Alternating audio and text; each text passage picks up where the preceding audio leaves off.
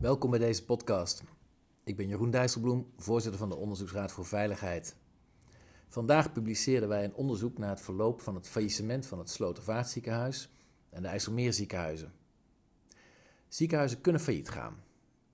Maar waarom is dat eigenlijk?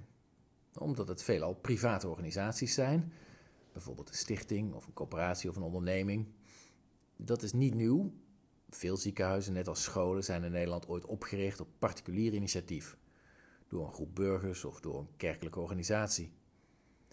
Publieke en private belangen lopen dan door elkaar en worden bediend door publieke en private spelers in de zorg.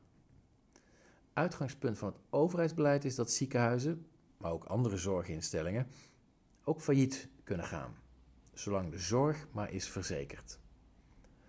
Bij ziekenhuizen wordt dat per regio bekeken. Zo werd het faillissement van het Slotervaartziekenhuis en de IJsselmeerziekenhuizen ook benaderd. De zorgverzekeraars hebben een zorgplicht en vulden deze in door te kijken of er in die regio voldoende alternatief zorgaanbod was. Zo ja, dan mag het ziekenhuis dicht. Ook de overheid, de Nederlandse Zorgautoriteit en de inspectie kozen deze insteek. Maar waar daardoor niet genoeg aandacht aan was besteed, is de vraag hoe een faillissement dan moet plaatsvinden. En welke risico's lopen patiënten hierbij? Welke waarborgen zijn er nodig om die risico's te voorkomen? Met als uitkomst dat het faillissement ongecontroleerd plaatsvond. Chaotisch, met hoge risico's voor patiënten als gevolg. Tienduizenden patiënten wisten niet hoe en waar hun zorg zou worden voortgezet. Behandelingen werden uitgesteld en onderbroken, geplande operaties werden afgezegd. Ernstig zieke patiënten werden naar verkeerde ziekenhuizen doorgestuurd. Patiëntgegevens waren onvolledig of werden niet overgedragen, of medicatie was ineens niet meer beschikbaar. Dat dit alles niet tot grote ongelukken heeft geleid, is te danken aan de enorme inzet en improvisatievermogen van het zorgpersoneel. Maar waarom ging het zo? Waarom is er niet heel zorgvuldig en geleidelijk de zorg in dat failliete ziekenhuis afgebouwd en overgedragen aan anderen? Korte samenvatting hiervan is: publieke belangen sneeuwden onder bij private belangen. Publiek belang waar het hier om gaat is de continuïteit van zorg. In dit geval van de duizenden mensen die voor hun zorg afhankelijk waren van het Slotervaart of het IJsselmeerziekenhuis. Daartegenover staan uiteenlopende private belangen. Bijvoorbeeld van uitzendorganisaties, die hun uitzendkrachten per direct terugtrokken uit het ziekenhuis omdat ze vreesden niet langer betaald te zullen worden. Bij het Slotervaart werkten er veel mensen, niet in loondienst, juist in de acute zorgverlening. Operatiekamers, intensive care, spoedeisende hulp, ze werden snel gesloten. Ook specialisten hebben eigen belangen.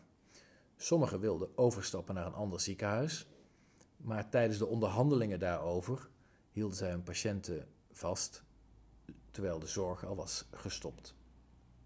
Het Zilveren Kruis moet natuurlijk aan de belangen van zijn verzekerde denken uh, en was bevreesd voor financiële consequenties. En daarom besloot deze zorgverzekeraar, na enkele eerdere mislukte reddingsplannen, om ineens de financiering te stoppen.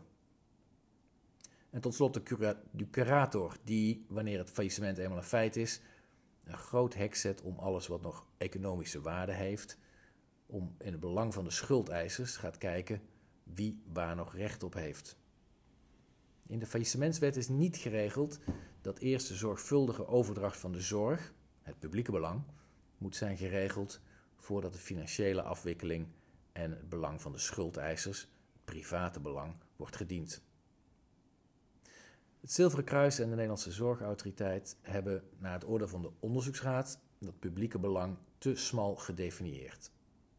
In hun opvatting betekende de zorgplicht die in de wet staat het zekerstellen dat er genoeg zorgaanbod is in een regio.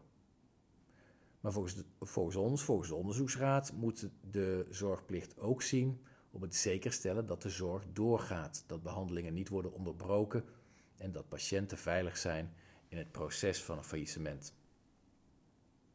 De overheid zou moeten nadenken over de faillissementswetgeving en daarin moeten opnemen dat in het geval van een ziekenhuis, voordat de financiële afwikkeling plaatsvindt door de curator, er eerst kan worden gezorgd dat de zorg netjes wordt afgerond en overgedragen.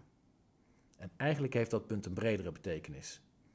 Want ook in andere publieke sectoren zijn private organisaties actief, denk aan scholen, die ook failliet kunnen gaan en waarbij hetzelfde speelt. Hoe stel je nou de publieke taak eerst veilig voordat een organisatie echt failliet kan gaan?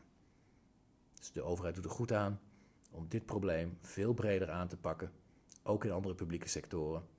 Het publieke belang gaat voor het private.